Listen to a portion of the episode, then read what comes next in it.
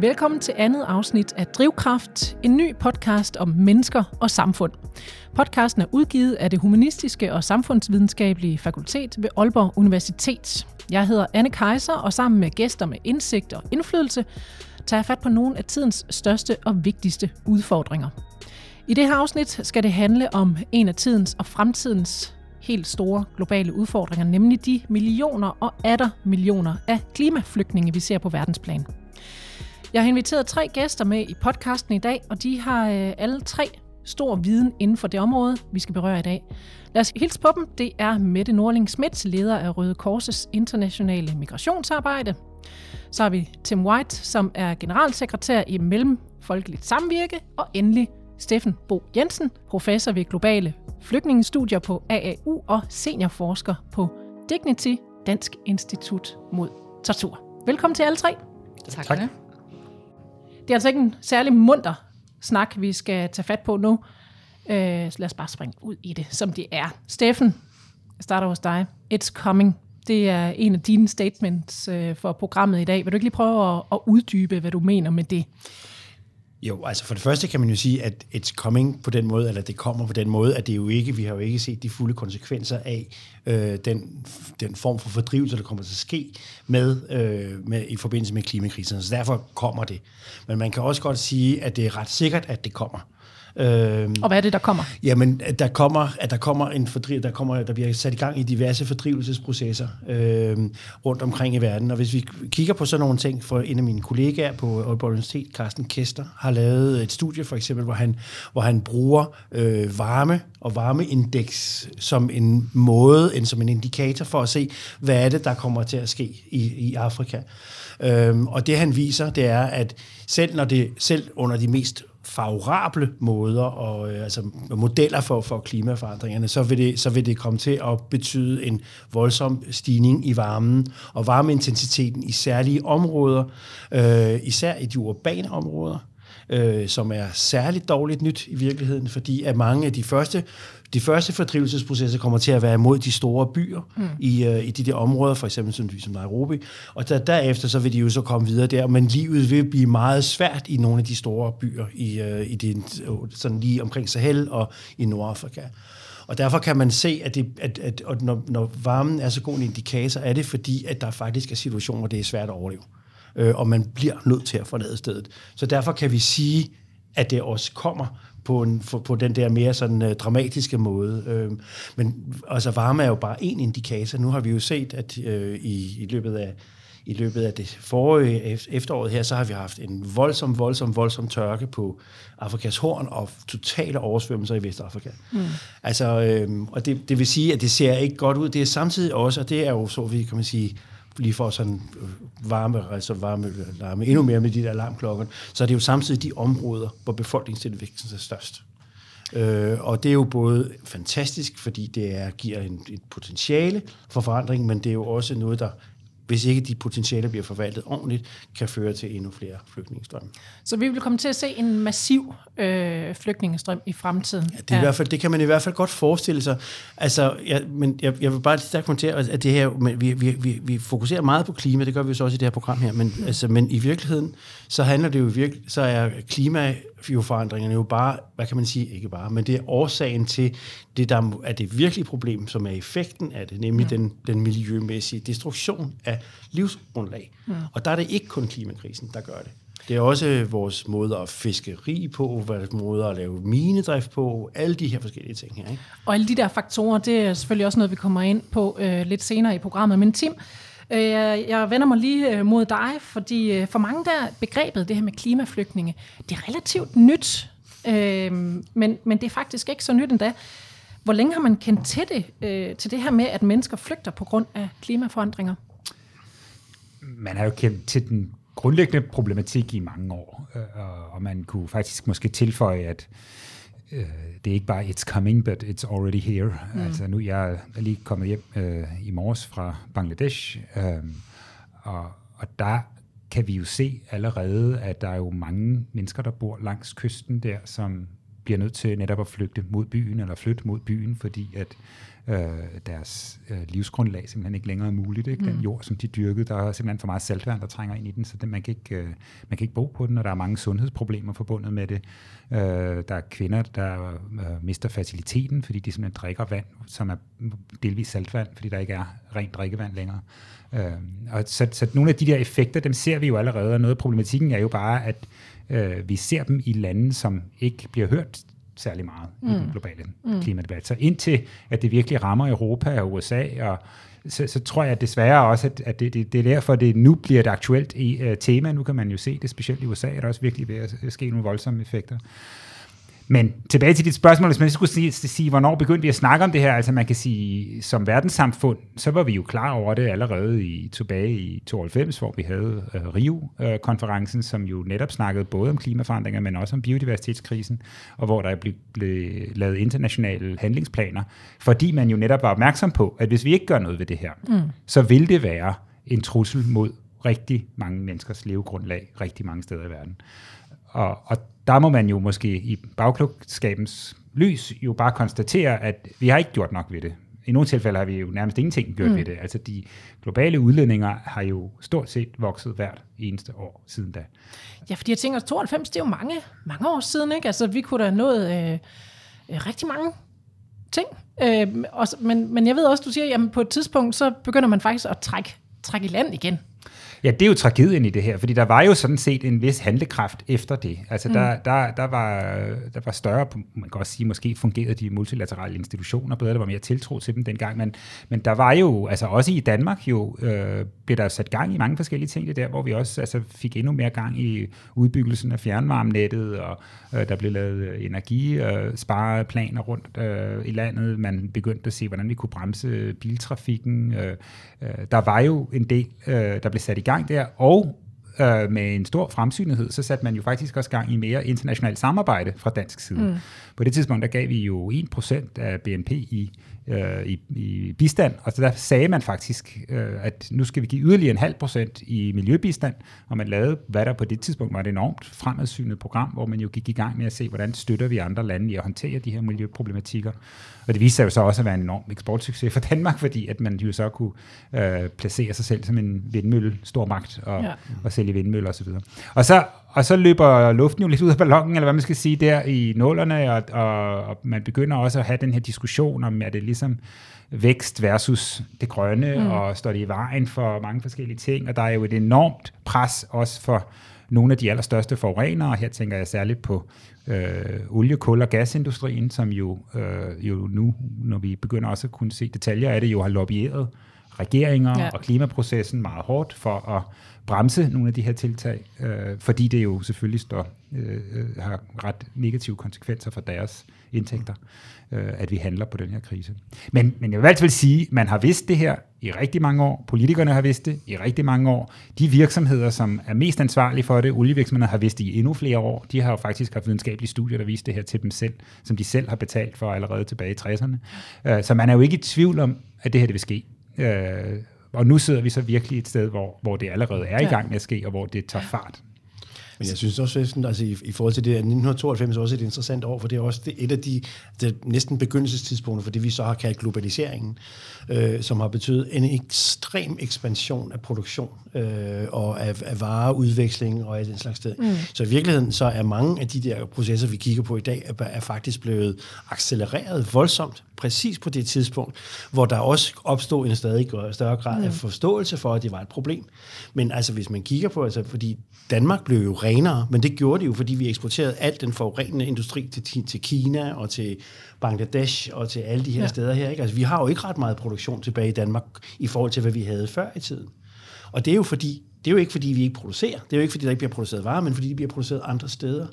Så vi har jo, altså det der 92 er i virkeligheden sådan et år, hvor vi både blev klar over, at det var galt, men samtidig var den der globale verdensorden med vareudveksling på niveauer, som vi aldrig har set før øh, det, det tog fart. Altså i virkeligheden, så, altså, hvis, hvis vi bare var stoppet i 92, så havde det slet ikke været lige så slemt. Altså, det, er, det, er, det er de sidste 30 år, der har været dyre for, for, for klimaet på mange måder. Men vi fortsætter. Sådan øh, kan man i hvert fald øh, roligt konkludere det. Vi stoppede ikke i 92, øh, og øh, med det tilbage i 2009, øh, 17 år efter, cirka ikke også, hvis jeg kan tælle rigtigt, der vurderede FN, at øh, flere hundrede millioner mennesker ville være nødt til at flygte fra deres hjem på grund af tørke, oversvømmelser og stigende vandstand. Men øh, jeg ved, øh, der er nogle nye tal, som du har taget et kig på. De seneste tal, de siger altså noget ganske andet. Kan du ikke fortælle øh, lidt om det? Øhm, ja, hvor skal vi starte? Ja. nu kan og bare tænke, når du siger øget globalisering, så snakker vi også med det samme øget migration. Selvfølgelig, alle de der ting følges jo ad, og det er svært at isolere noget, når vi snakker migration mm. til et bestemt område. Og når vi snakker tal, er det lidt det samme. Det er jo svært at sige, at, at noget har, altså meget svært at sige, at der er en, en ting, der er en sådan lineær kausal årsag til, at migration eller fordrivelse sker. Øh, men det vi i hvert fald kan sige, det er, at, at de her tal, de, de, de ændrer sig kun til det værre. Ja. De er hastigt stigende, hastigt voksne. Øhm, og selvom vi så siger, altså nu bruger vi begrebet klimaflygtninge, og det er jo ikke et egentligt begreb som sådan, fordi flygtninge, de er jo ikke beskyttet, dem der, dem, der er, er tvunget væk fra deres hjem på grund af alle de her klimaforandringer. Vi snakker om, der er jo egentlig ikke noget, der beskytter dem som sådan, som, som, øh, som andre øh, flygtninge øh, kan. Men, men nogle af de der tal, altså udover at de er hastigt voksne, vi har længe opereret med et tal, der hedder 200 millioner vil være fordrevet på grund af, af klimaforandringer i 2050, som sådan et estimat, Verdensbanken kom med.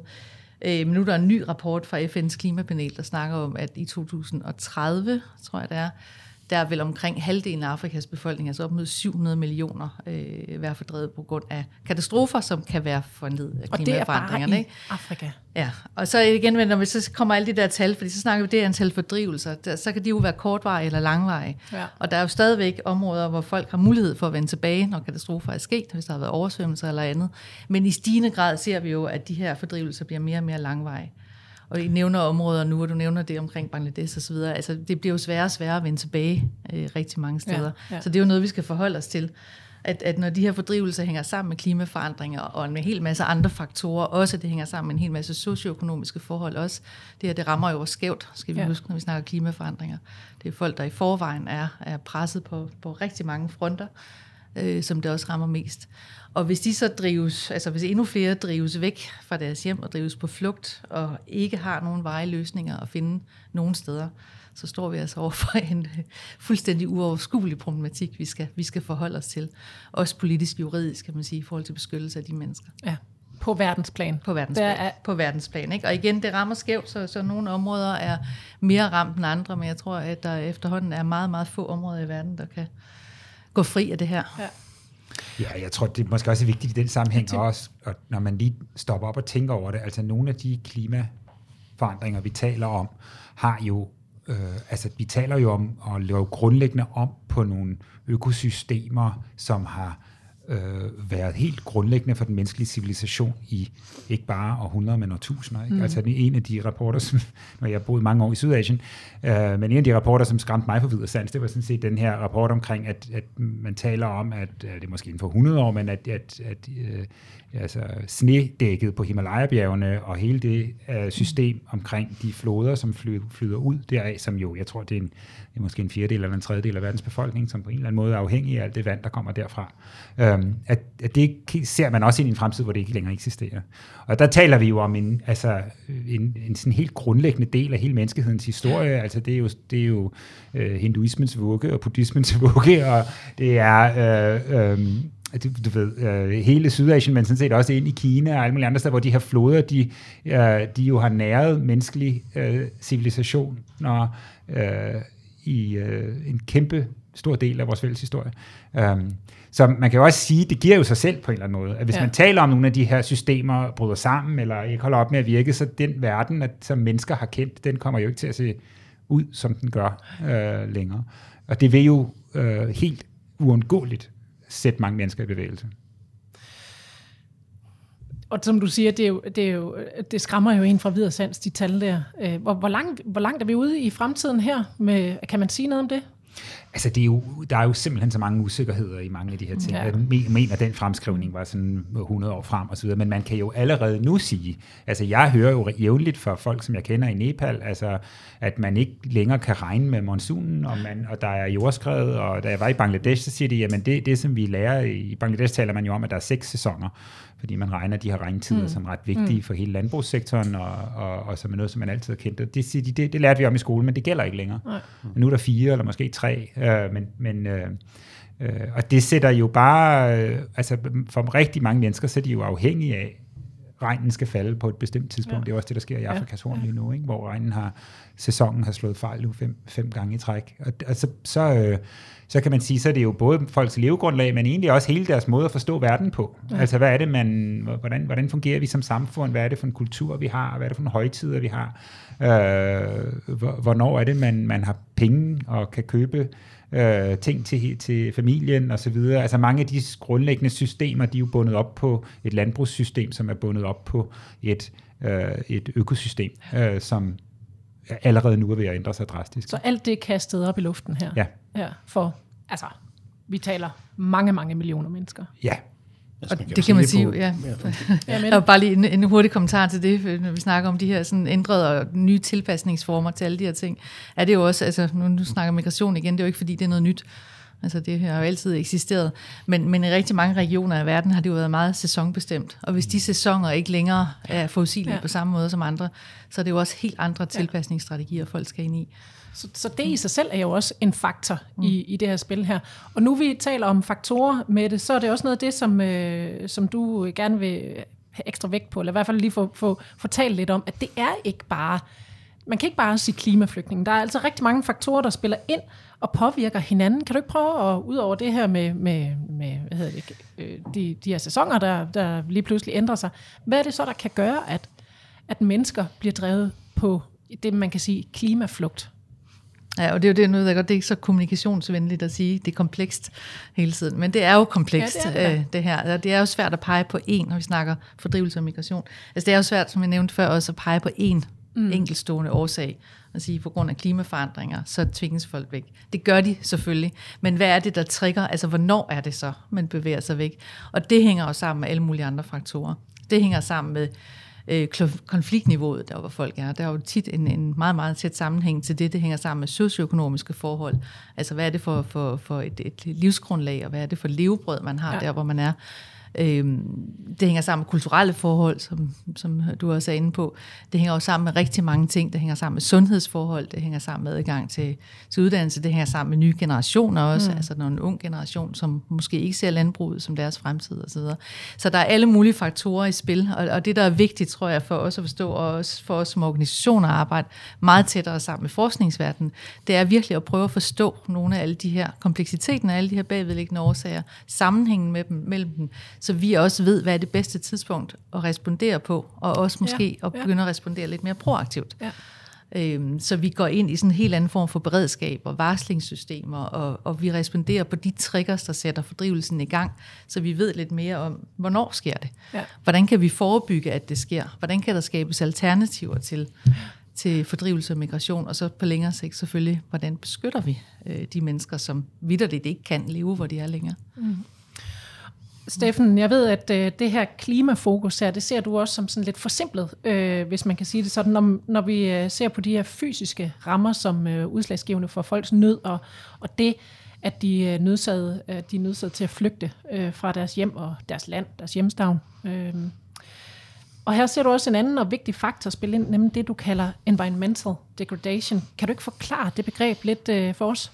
Jo, altså det er jo altså ødelæggelse af naturgrundlag øh, for, for, for eksistens, kan man sige. Ikke? Øh, og det der er med, med klimaet, klimaet det er en af de en af de årsager til, øh, til, til, til miljømæssig eller til livsgrundlags ødelæggelse, men det er langt fra den eneste. Ja. Øh, og jeg tror, at øh, tit og ofte så spørger man sig selv om, altså det, det er jo inden for flygtninge, det og det har, vi har jo brug for sådan nogle kategorier, okay, en klimaflygtning er ikke en flygtning, en rigtig flygtning, fordi det, der skal man leve op til fem kriterier under flygtningekonventionen. Så derfor er der nogen, der arbejder med at få dem placeret ind under en eller anden form for mm. klimabeskyttelsesting, som Mette også snakker om. Ikke? Men, men, øh, men, men man prøver altid at finde, som, at, at de er så rigtige klimaflygtninge. Mm. Altså nu her, fordi nu er vi så i gang med at sige, altså alle de der millioner, der kommer ned, ned sydfra, er de rigtige klimaflygtninge. Ja. Ikke? Men, men det, de, det, de er på vej væk fra, altså, er, jo, er, jo, er jo nød og, og, og ødelægge sig. Jeg synes, at jeg, jeg, en, af, en af mine yndlingsbøger er Hans Lugt fra, øh, fra Di, som har skrevet en, en bog, der, han, der hedder øh, Darkness Before Daybreak, som handler om en flok ghanesiske fly, øh, fiskere, som øh, må kigge ud på Guinea-bugten og se, at europæiske og kinesiske fiskere har taget alle fiskene mm. i det der område, og nu bliver de nødt til at tage afsted, og de er skide gode til at sejle både, som der er hul i, så det er derfor, det er dem, der har været kaptajner på mange af de der overflø, over, oversejlinger ved Middelhavet, fordi de faktisk godt kan finde ud af at sejle en båd, som er lige ved at synke. Øhm, og der er en eller anden ekstrem ironi i det her med, at, at, at, at livsgrundlaget er ødelagt. Ikke af klimaforandringerne, men af overfiskning øh, i, i det her område, og det er jo langt fra den eneste. Altså, der er minedrift, der er alle mulige ressourcejagt. Sådan noget som, som sand, ved jeg også. Du jamen, jeg synes, jeg har, jeg, har, jeg har lige begyndt på et nyt projekt i, øh, i, øh, i, på Filippinerne, som handler om, øh, at vi skal beskytte menneskerettighedsaktivister, som arbejder for, øh, i forhold til sådan, det, man kalder sådan extractive industries. Øh, og vi har sådan et projekt, som handler om øh, sandudvinding. Øhm, og en af de sjove ting ved sand, det er sådan en ting, fordi det er så, det er så, det er så, hvad kan man sige, så ordinært på en ja. eller anden måde. Ikke? Men vi skal simpelthen bruge så meget sand, og vi er ved at løbe tør. For det der, så render vi rundt og leder efter sand alle mulige forskellige steder rundt i verden. Og nu er de så nået til Zambales nord for Manila, som er en af de mest befolkede områder i, i, uh, i, i, på, i, på Luzon i, på Filippinerne. Og det sted, hvor den mest ris bliver dyrket i området. Ikke? Og der vil komme direkte konkurrence mellem forskellige former for livsgrundlag, så at sige. Ikke? Men der er ikke nogen tvivl om, at den filippinske stat har været meget konsekvente i at støtte storkapitalen i det her. Så jeg ved godt, hvem det er, der kommer til at betale prisen, mm. og hvem det er, der kommer til at skrive. Og det, så, så i virkeligheden kan man sige, at, at hele det her spørgsmål omkring den, den under, ødelæggelsen af naturgrundlaget som, som grund til, at øh, folk de, de, de bliver fordrevet, det har virkelig mange forskellige, der er mange forskellige årsager til det, og et eller andet, mange af dem er politiske, mange af dem handler om ting, som vi har brug for. Altså øh, øh, øh rare earth og lithium og øh, hvad hedder det, kobolt, kobolt, Don't get me started med kobolt. Men altså, der er simpelthen så mange forskellige af de her steder her, som, hvor vores ressourcemangel, vores ressourcemangel simpelthen driver en konstant øh, ud, udpining af natur og naturgrundlaget. Og det, det er den slags ting, der sender folk afsted, ja. ikke? Det er et kæmpe område, det her. Vi har jo kun lige berørt lidt af det nu. Der er altså virkelig mange faktorer, der spiller ind, når øh, vi skal forstå, hvor massivt problemet med klimaflygtningen er nu, og også bliver det i fremtiden. Dog så kan det se ud som om, at øh, som vi også har været lidt inde på, begynder at komme en smule mere fokus på løsningsmulighederne, og det er dem, vi skal vende nu.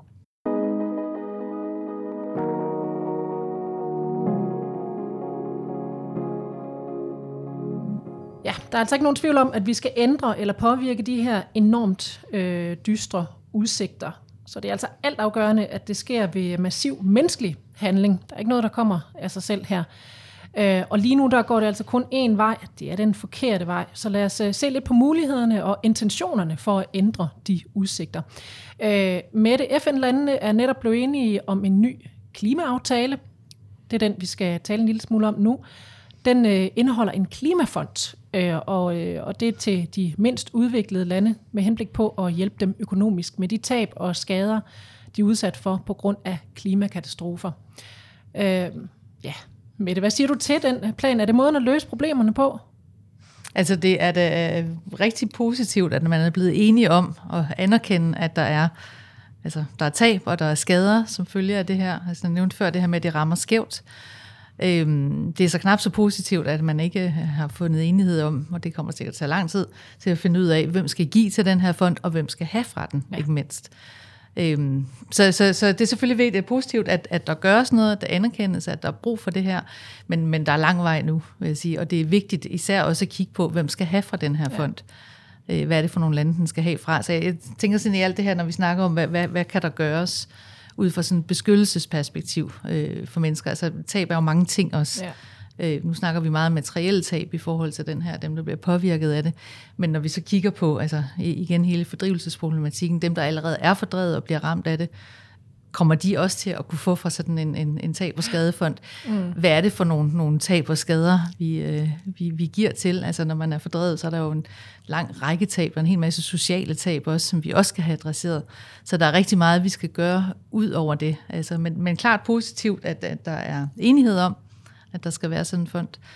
Øh, men lad os se, om der bliver enighed om, hvordan den skal fungere i praksis. Ja, lige nu der er det jo egentlig bare en tom tegnebog, ja. kan man sige, som ja. man ikke rigtig ved, hvem musik stikker hånden i. Og Tim, I har hos, øh, hos Mellemfolkeligt Samvirke, der ved I, at I set øh, frem til arbejdet, frem til oprettelsen af den her øh, fond. Hvad er dine tanker om den øh, fond nu?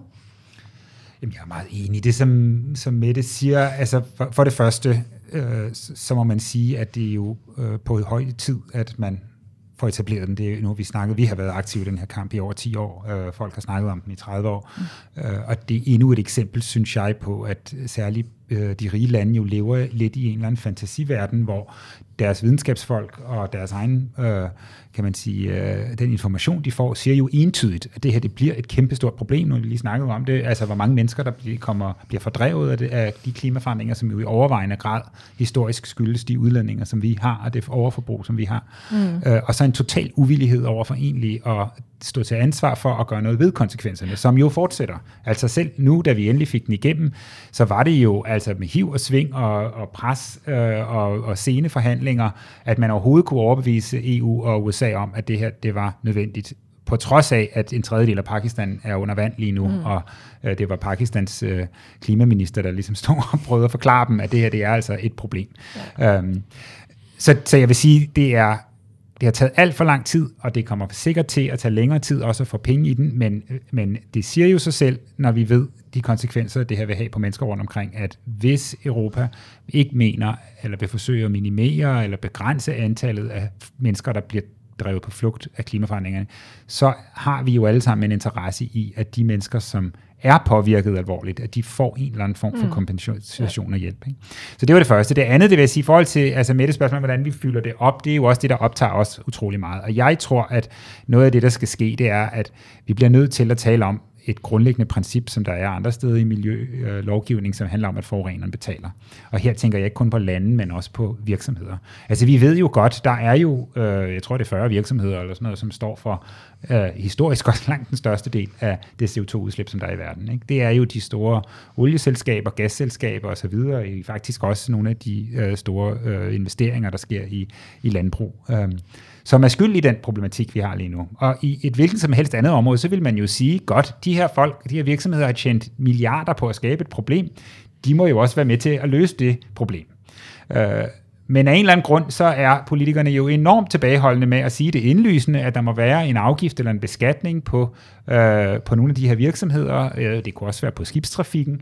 Øh, og så sige, de penge, dem kommer vi ind i den her fond, og det kan så hjælpe med at afbøde en lille smule for det kæmpe store problem, som de har skabt. Det er jo det, vi så for eksempel med tobakindustrien, øh, da man langt om længe sagde, de her øh, virksomheder, de tjener jo sådan set penge på øh, et sundhedsproblem. Det går ikke. De må være med til at betale for at løse hvorfor, det. Hvorfor er staten øh, tilbageholdende med at, at, at pålægge dem sådan en afgift? Jamen, det er jo et super godt spørgsmål. Altså, jeg, jeg, man, jeg, man kan jo sige, der er i hvert fald ikke nogen tvivl om, at de her virksomheder, de betaler øh, politikere mange penge, særligt i USA, men sådan set også i Europa, for at forsøge at overbevise dem om, at at man skal være tilbageholdende. Og så er der jo en grundlæggende historie, som vi hører igen og igen, at det vil stå i vejen for økonomisk vækst, så det vil gå ud over mange forskellige industribrancher osv., og, og nu står vi i forvejen i en, i en energikrise, og altså, så der er jo mange sådan, øh, argumenter, man kan bruge for det, men man må bare sige, summen af alle de argumenter, det er, at vi står med øh, altså, ja, millioner, 100 millioner og vis af mennesker, som bliver påvirket, men, og som ikke har råd til at gøre noget ved mm. det, uh, men som, uh, som Øh, og, men hvor vi sådan set godt kan, hvis vi kigger videnskabeligt på det, sige, hvorfor er det, det problem er opstået. Mm. Jeg tror, noget af det, vi også skal gøre op med i den sammenhæng, det er jo, altså der er jo sådan en fortælling om, at man siger, at vi lever i the age of the Anthropocene, altså den her, at, at vi lever i sådan en, en tidsalder nu, hvor det er mennesker, der påvirker jorden, og det er det, der det er det nye, det er, at vi selv ligesom har er nået en sådan størrelse, en sådan påvirkningskraft, at vi ligesom er den, den mest sådan, øh, ja, forstyrrende effekt, der er på kloden lige nu. Men det passer jo egentlig ikke helt, for det er ikke alle mennesker, der påvirker det. altså det er jo nogle bestemte, altså vi ved jo, at de, hvis du er borger i et af de rige lande, så er din klimapåvirkning væsentligt mere, end den er i Bangladesh eller Pakistan. Men det er også nogle bestemte firmaer, som faktisk har tjent penge på en forretningsmodel, som er direkte skyld i klimaforandringerne. Mm. Og, og indtil vi ligesom sammen kan se den sandhed i øjnene og sige, jamen så må det jo være indlysende, at dem, der påvirker det mest, de også skal betale, så tror jeg, vi kommer til at være fanget i sådan lidt et, et paralyserende fortælling om, at jamen det er jo også alle sammen skyld, og jeg skal også huske at skære lidt ned for min biltur og sådan noget, og det er jo også rigtigt, men det er jo ikke det, der er den, så den helt store Det er ikke det, der var allertungest. Så hvis jeg må sige en sidste ting, som jeg tror, der er vigtig i forhold til tab og skadefond, det er, at det er også enormt vigtigt, at vi kommer i gang, mens vi venter på øh, FN og de internationale forhandlinger på et nationalt plan, med at sige, hvordan skal vi ændre altså det nationale sikkerhedsnet i nogle af de her lande. Mm. Øh, hvad, hvad er det for nogle, altså ja, de der, øh, kan man sige, kriseknapper, øh, som går i gang i forskellige lande og så videre. Og der er jo tiltag i gang i forskellige lande. Mm. Øh, men altså selv den dag, hvor fonden bliver øh, fyldt op med penge, øh, og man begynder at kunne udløse, altså der vil være en eller anden beslutning på et tidspunkt, og nu får Bangladesh, nu får Pakistan nogle penge, og sådan, så skal der jo være et eller andet internt system, som sikkert bliver en kombination af noget fra civilsamfundet, men det skal også være noget fra regeringerne, øh, som kan gå ind og relativt hurtigt sikre, at de mennesker, der har mest brug for pengene, også får adgang til dem. Øh, og det kræver enormt meget arbejde, og det er faktisk, altså lige i dag, er der debat i Indien, ved jeg, om øh, sådan en, en form for øh, øh, sådan et, et, et nyt tiltag omkring en, en lov om, om sådan et klimasikkerhedsnet, som skulle kunne bruges i sådan nogle krisesituationer. Og det tror jeg også, vi vil se. Det er i hvert fald noget, vi arbejder for i Mellemfolkelig Samvirke, at vi i stigende grad i mange udviklingslande begynder at se på, hvordan gør vi det her, med eller uden en klimafond, fordi problemet er der under alle omstændigheder. Mm. Og så er der vel også noget som øh, korruption, man skal Lige altså, præcis. kigge på, fordi det vil der jo altid være. Kæmpe udfordring. Altså, og der er jo mange lande, og det, nu har jeg lige der i Bangladesh, så havde vi sådan en international møde, hvor vi faktisk snakkede om netop det her, der, og det var jo også, altså, det er jo også vidt forskelligt, den statskapacitet, som der er til at gøre det her, hvor i nogle lande, altså i Bangladesh, der har man jo faktisk haft enormt stor succes med at lave klimavarslingssystemer og så videre, så når der kommer cykloner i dag, så dør der jo en brøkdel af de mennesker, som mm. der døde for, for 30 år siden. Mm. Fordi man jo netop har opbygget nogle systemer, og man har nogle sikkerhedsnetter, og der er masser af korruption i Bangladesh også, men der er også nogle statslige systemer og nogle samarbejder, der fungerer. Ikke? Hvor nogle af vores kollegaer øh, fra, fra nogle afrikanske lande, de sagde, at der bliver simpelthen nødt til at være en enorm stærk kontrol fra civilsamfundet på, hvordan de her penge bliver brugt, fordi øh, vi stoler simpelthen ikke på, at at øh, vores statsledere vil, vil, vil håndtere dem rigtigt. Og det er jo igen meget forskelligt fra land til land. Der er nogle lande, hvor de faktisk er meget godt i gang, øh, og hvor det er muligt at kunne lave hurtige overførelser, for eksempel per mobiltelefon ud til rigtig mange mennesker, som har brug for penge i en krisesituation. Og der er andre lande, hvor, hvor, hvor det ikke fungerer. Så ja. på en eller anden måde, så bliver man nødt til også, tror jeg, at, at have sådan lidt øh, nedfra op model, hvor man går ind og prøver at bygge de her systemer op mm. øh, i forberedelse til, at de rige lande på et tidspunkt øh, tager deres ansvar på sig. Ja. Men jeg tror ikke, der er nogen tvivl om, at hele de der spørgsmål omkring korruption, det, altså, det er sådan en dobbelt side, for på den ene side, så bliver det jo også brugt som en undskyldning for, hvorfor vi ikke skal betale nogen penge mm. overhovedet, ikke? fordi det ender jo bare et bundløst hul. Øhm, og det, det, er jo, altså, det, er jo ikke, det er jo heller ikke rigtigt. Altså, men det er jo ikke, der er jo ikke nogen tvivl om, at det, der kommer til at ske, også fordi FN er, det, det altså sådan et system, der er jo er et system mellem stater, så vil det blive fra stater til stater, og derfor er det virkelig vigtigt og fuldstændig afgørende, tror jeg, at vi får fat i og får organiseret øh, nogle af de her grupper lokalt til at mm. kunne lave de her, øh, til de her, hvad hedder det, de her krav til, til stater. Og, der kan man jo sige, der er altså mit, en af mine områder er jo sådan menneskerettigheder. Det, der, er det jo, der er det jo meget dramatisk, hvor meget af de der civic spaces er blevet er, er, er skrumpet ind. Ikke? Det vil sige, det bliver stadig sværere for almindelige mennesker i Kenya eller i Bangladesh og, og kræve noget som helst, fordi der er simpelthen alt for store risici forbundet med det. Så øh, spørgsmålet omkring beskyttelse, det er jo beskyttelse, som jo ikke bare er en beskyttelse, når man er blevet, når man er forsvundet, men også en beskyttelse, når man stadigvæk er der. Præcis. Øhm, altså, jeg, jeg, ser det, altså, jeg, jeg, jeg tænker, at det ville være dejligt, hvis, hvis verden blev sådan et sted, hvor vi hvor vi forsvarede, vi beskyttede folk og sådan noget. Men jeg tror, det bliver, altså jeg er bange for, at der er i hvert fald en god, stærk mulighed for, at det bliver en, en stærkt militariseret verden, vi kommer til at leve i. Mm-hmm. Øhm, og, øh, og den vil være militariseret på alle mulige punkter, og man kan se, at altså, når man kigger på for eksempel, hvor mange penge EU bruger i Nordafrika. Altså, så er der ingen sammenhæng mellem, hvor mange penge de bruger på at udbygge landbrugssektoren, og hvor mange penge de bruger på at bygge grænsestationer. Mm. Fordi at, at hele Nordafrika og øh, Niger og, og, og Burkina Faso er en del af det, man kunne kalde sådan en eksternaliseret zone for grænsekontrol i Europa. Mm. Øhm, og det, jeg, jeg, jeg er sgu bange for, at det er det, der kommer til at være det, sådan, den helt afgørende ting. Det er den der, den der militarisering, og hvordan vi forsvarer os selv mm. mod det, der kommer til at ske. Altså, øh, så man kan jo forsvare sig selv på mange måder, øh, og det kan se mere eller mindre grimt ud. Øh, altså, som det er i øjeblikket, der er, jeg synes, der er ingen indikationer i retning af noget andet. Det er, at så længe det foregår i Bangladesh, så gør det ikke så meget. Altså vi har i øjeblikket så er at vores migrationspolitik, den er, den er bygget op omkring, eller meget af den er bygget op omkring et enkelt princip, det er, at der må ikke være en eneste migrant, der sætter foden på europæisk grund. Fordi samme øjeblik sætter foden på, på europæisk grund, så kan vi ikke tillade sig at sende dem hjem længere. Så derfor gør vi alt for at forhindre dem. Og det gør vi med deals med, med Tyrkiet.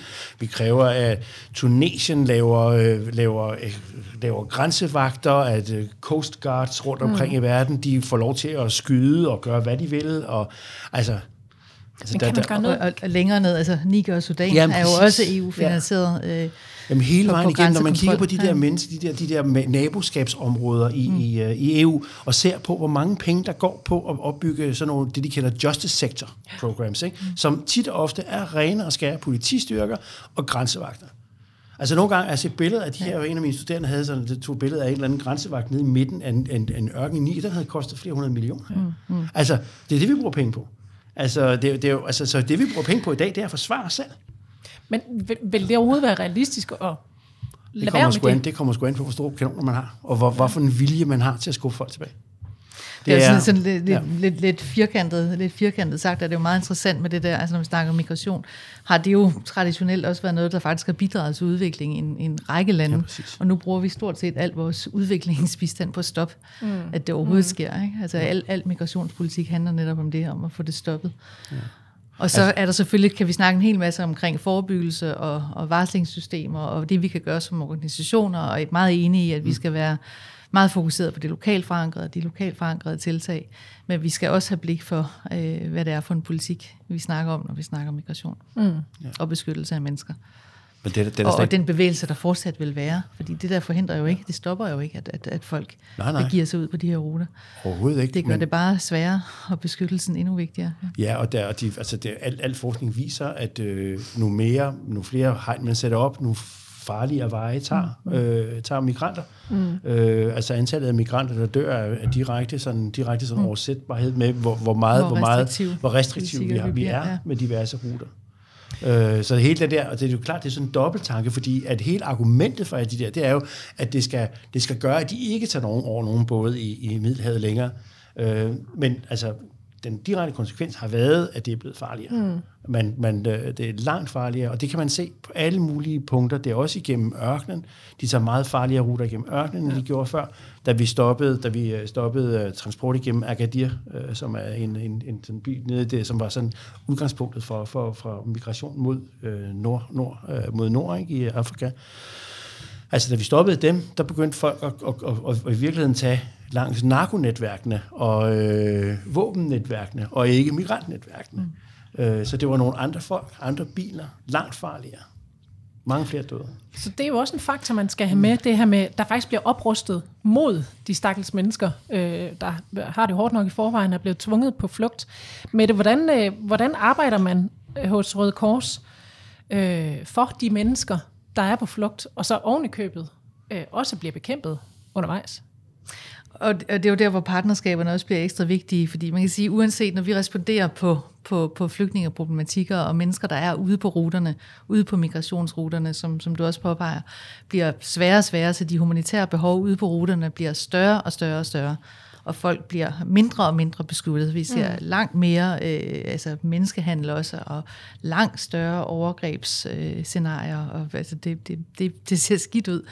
Øh, og det vi, det vi gør ude på ruterne fra Røde Korsets side, det er, at vi responderer øh, humanitært, så vi kan gøre noget i forhold til at prøve at afhjælpe sådan de allermest presserende humanitære behov, folk har i forhold til mad og vand og, og noget psykisk førstehjælp og noget øh, sundhedsmæssig førstehjælp, og så kan vi prøve at finde nogle partnere, som, som kan lave den lidt mere langsigtede hjælp også. Men det bliver også sværere og sværere. Det bliver sværere og sværere både at finde penge til det arbejde faktisk, mm. øh, når folk først er drevet væk, og det er de jo, og det vil de være lang tid fremover. Øh, formentlig altid. Øh, og så bliver det sværere og sværere i forhold til sikkerhedssituationen mange af de steder, der er. Derfor bliver igen den, den lokalt forankrede øh, hjælp meget, meget vigtig. Altså vi arbejder jo med, med lokale Røde Kors og Røde selskaber, som også har adgangssteder, hvor, hvor vi ikke kan komme som Dansk Røde Kors, fordi det simpelthen øh, ikke er steder, vi mm. kan bevæge os rundt overhovedet. Øhm, så, så der skal være den der adgang øh, til mennesker, og, og, og så foregår det også, det bliver farligere og farligere. Du snakker om det her shrinking humanitarian space, Altså, der, der er langt mindre manøvregrad for os efterhånden. Mm. Fordi det også foregår i, i mere konfliktfyldte områder, og fordi det foregår på de her farlige ruter i samarbejde med smuglere og menneskehandlere, og, og på ladet af, af store lastbiler, som også smugler narko og våben. Og, så, så, så det er de humanitære behov, vi kan, vi kan afhjælpe. Og så skal vi have et, et, et stærkt samarbejde med, med udviklingssektoren, også og med, igen, som jeg sagde i starten, med forskningsområdet, for vi forstår øh, de her problematikker ja. og de her øh, komplekse sammenhænge og responderer bedst muligt. Ja. Så vi kan gøre en masse, og vi kan gøre en masse gennem vores lokale partnere, men, men øh, vi kan bestemt ikke stå alene. Jeg tror, det er vigtigt, at vi alle sammen anerkender, at ingen kan, kan løse det her alene. Og alle skal løse det. Alle skal løse det. Der er ikke en, nogen, der virkelig, kan. Altså, skal have en helhedsorienteret øh, løsning på det ja. her. På alle parametre, stort set. Tim, øh, jeg ved, du har opholdt dig rigtig meget i øh, nogle af de her meget udsatte lande. Både øh, du har boet der, men også arbejdet i de lande her.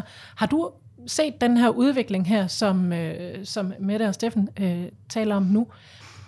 At det bliver farligere, at det bliver sværere, at der er mere modstand mod flygtninge? Altså, de, ja, nu har jeg faktisk jeg, jeg boet mest i Sydasien, ikke? i, uh, i um, Nepal og Bangladesh, uh, og, og der kan man sige, det, det der i hvert fald er interessant, det er, at de, uh, vi, vi taler meget om, hvem der er, der ligesom flygter over Middelhavet. Altså en stor del af de mennesker, der flygter over Middelhavet, er faktisk fra Bangladesh. Mm. Um, og de er jo, de er jo, uh, de er jo først, i første omgang blevet uh, forskubbet i deres egne regioner og været desperat efter et sted at tage hen og få arbejde, og tit taget til Mellemøsten, og så er de måske kommet lidt længere over og endt op i Nordafrika, og så er de derfra så er de ligesom kommet videre op. Øhm, nu har der været enormt meget fokus i de sidste par måneder på, på menneskerettighedskrænkelser i Katar og, og hele den økonomi, der handler om, at folk øh, søger arbejde i, i nogle af de her steder, og man, jeg synes ikke, der har været nok fokus på det grundlæggende spørgsmål, jamen, hvis arbejdsforholdene er så elendige, og man ligesom får frataget sit pas og skal tage dyre lån for overhovedet at tage ned og så videre. Hvorfor er det, at folk rejser afsted? Øh, og det handler jo også om øh, klimaforandringer, der sker i Bangladesh. En stor del af de mennesker, der tager, der tager til Mellemøsten arbejde, de kommer fra Nepal og Bangladesh, mm. og det er jo ikke kun, som Stefan siger, så er det jo komplekse problemstillinger, men en del af det handler også om, øh, at det bliver sværere at, at kunne ernære sig som almindelige øh, øh, landmand i mange af de her steder, og der er enormt pres på, på naturressourcerne osv. Um, men det man i hvert fald kan sige og kan se, det er, at, at øh, den her krise, der kommer med på den ene side, at klimakrisen forværres, øh, og på den anden side, at, at staterne jo øh, i Bangladesh for eksempel skaber mindre plads til øh, frie medier og til øh, civilsamfundet mm. og så videre i forhold til egentlig at kunne øh, du ved, tale om nogle af de her problematikker og kunne agere omkring dem og så videre. Øh, det ser vi også i Indien. Det er simpelthen det er jo enormt farligt at være øh, øh, du ved, fortaler for nogle af de her udsatte mennesker rundt omkring og tale om, hvordan folk bliver fordrevet, øh, også når der er naturressourceprojekter osv. Så, videre. øh, så, så det er, det, det er en, en, en, en stor øh, sammenkædet problematik, øh, der, som vi står overfor. Og det er også en stor sammenkædet indsats, der skal gøre, hvis... Øh og længerevarende indsats, hvis det er, at vi skal få bremset den her bekymrende udvikling her. Ja, og hvis, undskyld, hvis jeg bare må sige noget det til det, gerne. at der, altså det der er, øh, hvis man skulle finde et lyspunkt i det her, så er det jo også at sige, at et land igen som Bangladesh, de har jo faktisk haft relativt gode erfaringer med at kunne lave øh, indsatser i forhold til at kunne hjælpe folk i de her krisesituationer. Mm. Altså stort set alle skoler i, i, tæt på kysten i Bangladesh nu, de er jo både skoler og cykloncentre, fordi de kommer nu nu er det nærmest hvert år, der er en, en, en ret ødelæggende cyklon, der kommer. Øh, de er mere hyppige, og de, er, øh, også, de rammer også landene, eller landdistrikterne hårdere. Og så har man jo lavet varslingssystemer og systemer for at kunne redde folk. Det betyder, at, at der er færre mennesker, der, der mister deres liv.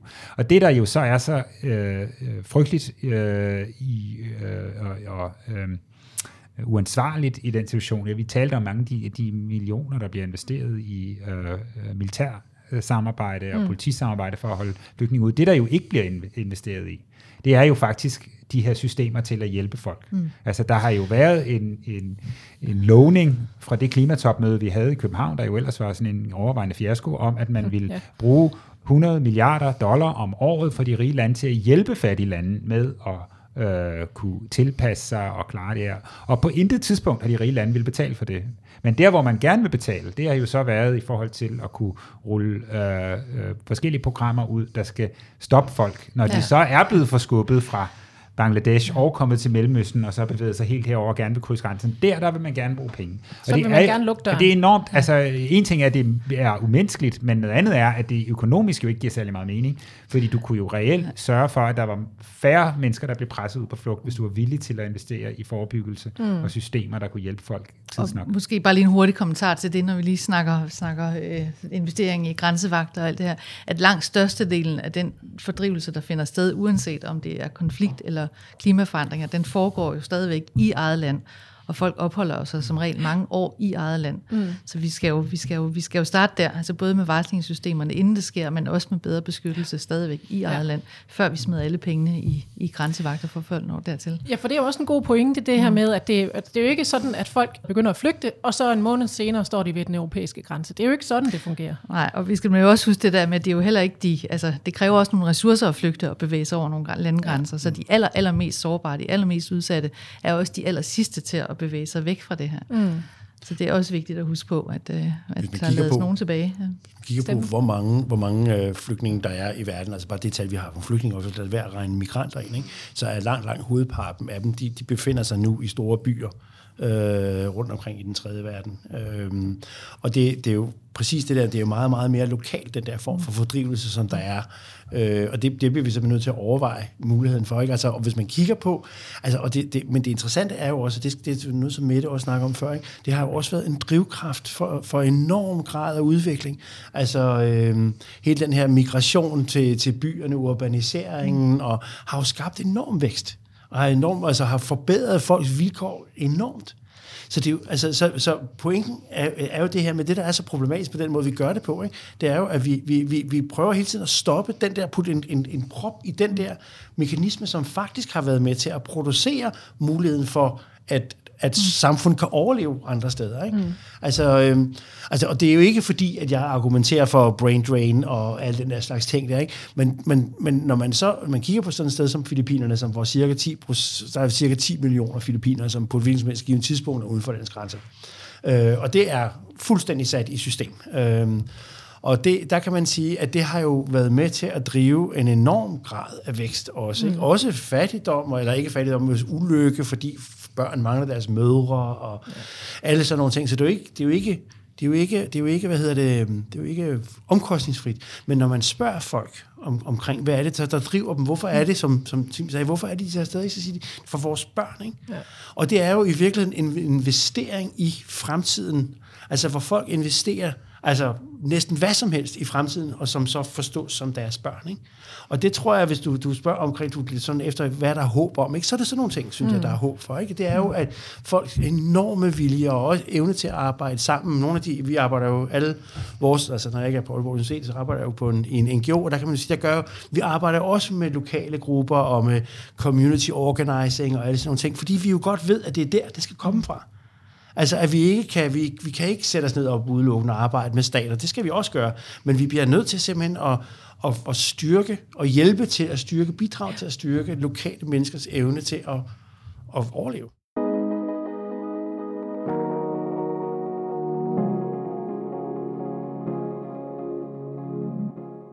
Mod slutningen af programmet, tiden den går hurtigt, der øh, skal jeg lige have fat i øh, jer, Mette og Tim, for vi skal se på, hvordan øh, migrationsmønstrene kommer til at se ud i fremtiden. Og Mette, hvad tror du på, der kommer til at ske der? Alle tal peger jo på, at, at øh, det er et stigende tal. vi ser. Det har været hastigt voksende med fordrivelser og migrationsmønstre bare de sidste fem år, siden vi snakkede om den her kolossale øh, flygtningekrise i Europa med en million mennesker. Øh, dengang, der tror jeg, man snakkede om, der var der 60 millioner fordrevet på grund af konflikt. Mm. Nu er det allerede oppe i omkring 100 millioner. Så tallet stiger. Øh, eksplosivt. Men, eksplosivt. Øh, og nu får vi så den her øh, klimafordrivelse til. Så, så tallene bliver større og større, og jeg tror også, at nogle af mønstrene kommer til at, at ændre sig øh, på sigt omkring, sådan, hvem er det, der migrerer. Måske er der flere, der bliver tvunget væk, som vi har snakket om. Så, så nogle af dem, der måske har været ladt tilbage, kan ganske enkelt ikke leve, hvor de er længere. Så måske ja. kommer vi også til at se flere, øh, som før ikke har bevæget sig. Unge kvinder, ældre, øh, andre bevæge sig mere rundt. Og så nævner du det, altså så har, så har et, et, et typisk mønster jo været at migrere mod byerne. Nu nævnte du i starten det her med, at øh, nogle af de stigende varmegrader kommer også til at ramme byerne. Øh, hvor så? Hvad er så næste stop? Så, så hvad, hvad mønstrene bliver, altså vi, vi ser jo hele tiden nye ruter, jeg er helt sikker på, at de ruter kommer til at ændre sig øh, mm. markant igen andre steder hen. Overordnet set, så, så, så tror jeg bare, man kan sige, at fremtidens migrationsmønstre er, at de bliver ved med at være der, og det bliver et, et, et stigende antal. Og jo mere restriktive politikker vi, vi, vi, vi, vi laver, jo, jo mere behov for beskyttelse bliver der. Og så er det vigtigt, at vi får snakket om, om, hvad er det, vi kan gøre både før, under og efter det her sker. Altså mm. nu snakker vi varslingssystemer, men hvad kan vi også gøre under? Hvad kan vi gøre for at undgå sekundær øh, fordrivelse? Hvad kan vi gøre for at undgå, eller for at at skabe valgmuligheder for folk, så migration forbliver et valg. Øhm, og hvad kan vi så gøre for at yde beskyttelse, så vi ikke netop ser de der konsekvenser, vi ser i dag med, med, med de her voldsomme grænseinvesteringer ja. og forsøget på at stoppe det. Mm. Fordi det er jo meget tydeligt, det, det stopper det jo ikke. Det gør det bare sværere og farligere. Ja. Og folk mere sårbare, og ja, dermed får de også mere brug for, ja. for hjælp øh, på længere sigt. Tim, hvordan ser du øh, øh, fremtidens migrationsmønstre? Jeg tror meget af det samme. Altså det, det, vi kan se lige nu allerede er i gang, det er jo den her migration mod byer.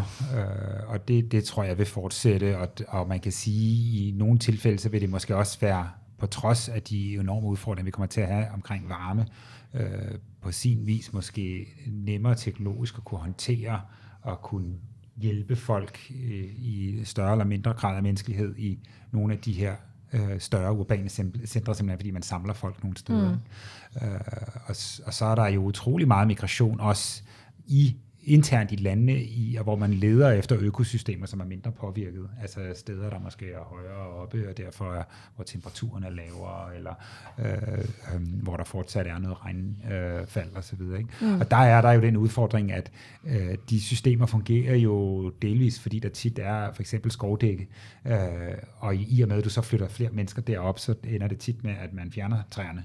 Øh, og dermed så ændrer du også selve det, der har gjort, at systemet ligesom har kunne mm. fastholde ja. sig selv. Ikke? Så, så, det, så på den måde, så, så er der jo noget, selv, noget selvforstærkende i nogle af de her mønstre. Ikke? Det, det andet, man kan sige, hvis man skal se på altså Europa der, vi ved jo, at mange af de rige lande faktisk står med det omvendte problem, ikke? at vi affolkes, øh, og vi kommer til, vi, nu taler man jo aktuelt omkring, at, at, at vi ikke øh, har nok hænder, som vi ansættes i, i velfærdsjobsene, og altså vi mangler sygeplejersker, vi mangler øh, folk til at passe på, på en aldrende befolkning. Øh, så i et eller andet omfang, så bliver der jo også behov for at se på, øh, hvem er det, man så låser, lukker igennem slusen, fordi vi faktisk selv har det omvendte problem mm. øh, i mange af de rige lande. Det er jo også en interessant problematik, hvordan man vil sortere i det. Øh, og jeg vil sige, i forhold til fremtidens migrationsmønster, jeg tror, det, det der egentlig bekymrer mig øh, også i alt det her, det er det, hvad er det, det gør ved de lande, der ligesom øh, øh, gemmer sig bag den her højere og højere øh, mur øh, og grænsevagter, øh, som vi bygger. Fordi hvis den øh, ret dystre virkelighed, som vi taler om her, bliver til virkelighed, så vil man jo sidde der og kigge ud over en verden, øh, en grusom verden på mange måder, og man, hvis man tænker over det, vil man jo vide, at vi selv har haft et enormt stort ansvar i at bringe verden det sted hen, og man vil også vide, at vi kunne gøre meget mere, end vi gør for at hjælpe nogle af de her mennesker, men af forskellige årsager vil man politisk, øh, kulturelt have behov for at skabe en selvfortælling om, hvorfor man ikke gør det. Mm. Og der tror jeg, vi ser kimen til også noget ret grimt i forhold til en stigende nationalisme og en fortælling om, at det, det er de også selv udenom. Og, øh, og, og noget, altså hvis man ser tilbage på tiden før vi oprettede nogle af de her øh, øh, menneskerettighedsprincipper osv., de kom jo også af en grusomhed. Øh, mm. og, og jeg tror, der er et eller andet med, at man begynder, at, det gør man jo lige så stille allerede, at, at slippe vores, nogle af tankerne om, at alle mennesker dybest set er lige, og alle mennesker har adgang til nogle grundlæggende rettigheder, fordi de mm. facto så er det jo det, vi allerede gør at man begynder at kigge ud og sige, ja, så du ved, det, det, som, det må de finde ud af i Pakistan, det kan ikke være vores problem. Mm. Um, og den type blik på verden og på os selv vil jo blive forstærket.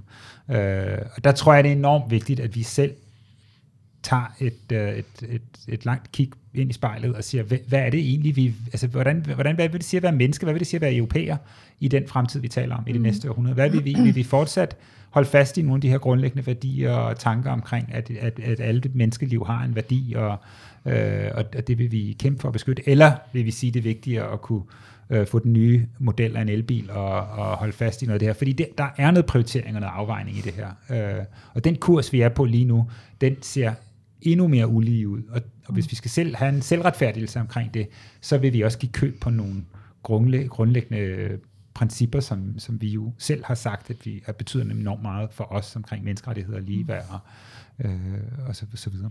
Det er Men, der på den måde, vi styrer, hvem der skal have lov til at komme ind i vores land. Mm. Ja. Og det er jo sådan lidt sjovt, at vi, at, at vi så mark- markant overskrider dem, eller er i gang med at overskride dem, ikke? samtidig med, at vi bruger dem, som vi hylder dem ved festlige lejligheder. Ikke? Mm. Øhm, ja, det er, det, det er sørgeligt trist. Svært have med at gøre. Ja. Jamen, det er nemlig skræmmende. Ja, det er ja. skræmmende tal, det er skræmmende prognoser, det er, det er ubehagelige fremtidstendenser, der bliver præsenteret her. Men, øh, men Tim, alligevel, så jeg synes lige, vi skal prøve at gribe det, det positive halmstrå her de sidste minutter af programmet her. Øh, så ved jeg også, at du ser en lovende tendens hos ungdommen. Hvad er det, du ser der, Tim? Jamen, det jeg ser, det er, at, at vi jo øh, efter at vi i virkeligheden i årtier nu har kæmpet lidt med, med altså at kunne fastholde den her fortælling om internationalt samarbejde og solidaritet. Øh, og vi jo står i den paradoxale situation lige nu, hvor vi mere end nogensinde har brug for internationalt samarbejde, øh, men at vi har svært ved at, at, at klare det på den ene side. Men, men samtidig så kan man jo se, øh, altså for eksempel i Danmark, hvor, hvor klimabevægelsen jo i høj grad er drevet af mange unge mennesker, som jo har øh, mobiliseret i en helt uset grad. Vi har haft nogle af de største klimademonstrationer, vi har øh, i Danmarks historien her inden for de sidste par år, og det har jo været med til at påvirke nærmest øh, to folketingsvalg i træk nu med, med den her mobilisering. Og hvis man snakker med dem, så er de jo ikke et øjeblik i tvivl omkring den internationale dimension af alt det her. Altså de, det er jo nogle af deres hovedkrav. Det har jo mm. for eksempel været, at FN bør gøre noget ved tab og skader, og at Danmark skal betale sin klimagæld osv. Øh, og, og som en person og repræsentant for en organisation, som i årtier ligesom har argumenteret for, at vi bør tænke langt mere på tværs af grænser og tænke på, hvordan vi kan løse de problemer, vi står overfor gennem internationalt samarbejde, og skal løse dem gennem internationalt samarbejde, så bliver jeg faktisk sådan helt øh, optimistisk over at kunne se, at nu har vi jo lige frem fået sådan videnskabelig bevis for, hvorfor det internationale samarbejde er nødvendigt, fordi vi kan ikke løse klimakrisen i Danmark alene. Mm. Og hvis du bekymrer dig for klimakrisen, så bliver du øh, næsten øh, uundgåeligt nødt til at bekymre dig for, hvad, andre, hvad der foregår i andre lande, og hvordan vi ligesom kan samarbejde omkring det. Og den tekst har øh, rigtig mange af de unge, vi arbejder sammen med, både i Danmark, men også i rigtig mange andre lande, har, den har de læst. Altså de ved godt, at det her, det, øh, det, det kræver en, en nytænkning af, og en udfordring af vores politiske øh, sådan, øh, strukturer og tendenser til ligesom at ville se kortsigtet på ting, og ville se snævert synet nationalistisk på ting. Øh, om de kan få mulighed tidsnok til at kunne påvirke de systemer, det, det, er jo, det er jo det helt store spørgsmål, som vi står overfor. Øh, det er jo ikke fordi, det kun er de unge, der er mange, der, har, der ligesom vågner op nu, tror jeg, mm. til den her udfordring, men, men jeg har et spinkelt håb om, at at ligesom det kan drive verden fra hinanden, så kunne det også drive os tættere på hinanden og prøve at skulle finde løsninger på nogle af de her problemer. Det, det tror jeg er det, vi skal, skal arbejde for. Og så kan man jo håbe, at øh, nogle af de unge, du taler om der, er øh, kommende verdensledere, kommende statsledere, at det er at det er dem, vi skal sætte vores lid til for at tage de rigtige beslutninger i fremtiden. Steffen, hvor ser du øh, mulighederne frem for begrænsningerne i fremtiden? Jeg frygtede, du ville spørge mig også. øh, jamen, jeg tror, at, at, at altså, jeg, vi, vi, meget af det arbejde, øh, jeg laver, både som forskningsmæssigt, men også sådan, men, i forhold til menneskerettigheder, omhandler jo mange af de her øh, mennesker, som jeg møder i Filippinerne, i Kenya og alle sådan ting. Og der er der, altså deres energi og deres intelligens. Øh, altså jeg ved godt, at det er jo ikke dem, der, det er jo ikke dem med de store stemmer øh, rundt omkring, men der findes potentialer øh, i den her verden her, som er på trods af alt muligt råd, er jo fantastiske. Altså, så derfor håber jeg da på, at det også er, er sådan med til det der. Ikke? Altså, så er det jo så, som jeg fortalte dig, ikke? så, så hver, hver, hver en gang om måneden, så, øh, så, så har jeg jo min positive øjeblik, når min søn, som læser illustreret videnskab, fortæller mig... Ja, det at, fortalte du lige før ja, vi han har fundet sådan, han har fundet, en, øh, han har fundet endnu en grund til, hvorfor vi ikke, hvorfor vi ikke alle sammen dør, på grund af en eller anden geotermisk dims. Øh, men jeg synes jo, altså et eller andet sted, så er der jo, er der jo også, altså det er jo altså så hele den der ideen omkring den teknologiske udvikling, er, jo, er, der jo, er der jo muligheder i, men problemet med den er bare, og hele den måde, det er jo, at den er blevet tænkt så meget ind i, i hvad kan man sige, en klimaskeptisk ting, ikke? Altså det er den der berømte hockeystav, hvor hele ideen om, at der kommer et teknologisk fix, som redder os alle sammen, det gør, at vi ikke behøver at gøre noget som helst. Og det er jo, det er jo et eller andet sted, kan man sige, at øh, så selvom at jeg også lidt en gang imellem godt har sådan en lille teknologifetisisme, øh, og håber på, at der kommer nogen, der redder mig, så, så ved jeg jo også godt, at det, det, det gør der ikke, og det kræver den der kamp, som er langt mere politisk, end den er foregår på DTU, mm. øh, prøver jeg at sige til min søn. Og illustreret men, videnskab. Og illustreret videnskab. Men, det, men jeg synes, at der er jo nogle, der ligger jo nogle, altså der ligger jo forskellige steder, der er jo masser af ting, altså, og det er måske, hvis man skal snakke om et eller andet positivt, ikke? det er, at det her, det foregår, der er nogen, der tænker over det her så mange steder rundt omkring i verden. Mm. Altså, det gode er, at hver eneste artikel i illustreret videnskab handler om klima, basalt set. Ikke den handler Ja, om så langt, så godt. Ikke? Jamen, det betyder jo, at der er blevet en helt anden snak omkring det her. Også blandt firmaer, så ved jeg godt, at de greenwasher og alle de der slags ting, men der er jo ingen, der længere kan tillade sig ikke at sige noget Nej. om det. Og det, et eller andet sted, så kan der være, at det gør noget godt. Men jeg synes, jeg synes, at det er, og jeg synes, at der er en tendens til, at vi fokuserer alt for meget på, hvad der foregår. Og jeg synes, både Mette og Tim siger det rigtig godt, ikke? at der, hvor den, de virkelige, den virkelige pris bliver betalt, og allerede nu, den foregår jo ikke her. Og vi bliver sgu nødt til at finde ud af, hvad er det, hvad er det, hvad, hvad er det for nogen, vi vil være mm. øh, fremover. Og det er det, det, det, er, det er altså et, et vigtigt spørgsmål, som Stort spørgsmål. Ja. Ja. Men Mette, jeg slutter hos øh, dig, fordi øh, lige før vi startede optagelserne her, der øh, præsenterede du mig lige for, øh, i hvert fald lige sådan nogenlunde, øh, tal fra en ny rapport, du øh, har småskimmet lidt. Hvad er det, den siger? Jeg har faktisk tre ting, jeg lige vil hurtigt nævne her til sidst.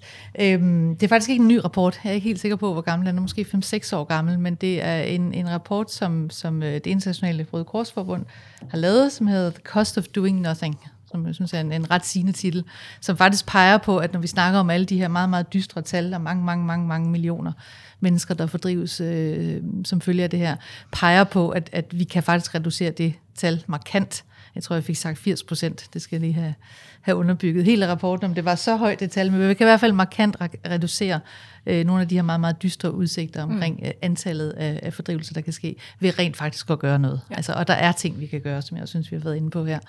Og så vil jeg også bare lige nævne her, altså udover at, at vi kan gøre noget, men også at der ligger jo altså også allerede nogle, nogle ganske udmærkede, synes jeg faktisk, internationale aftaler, som måske ikke er juridisk spændende, øh, men som blev vedtaget efter den her flygtningekrise i Europa i 15-16 stykker.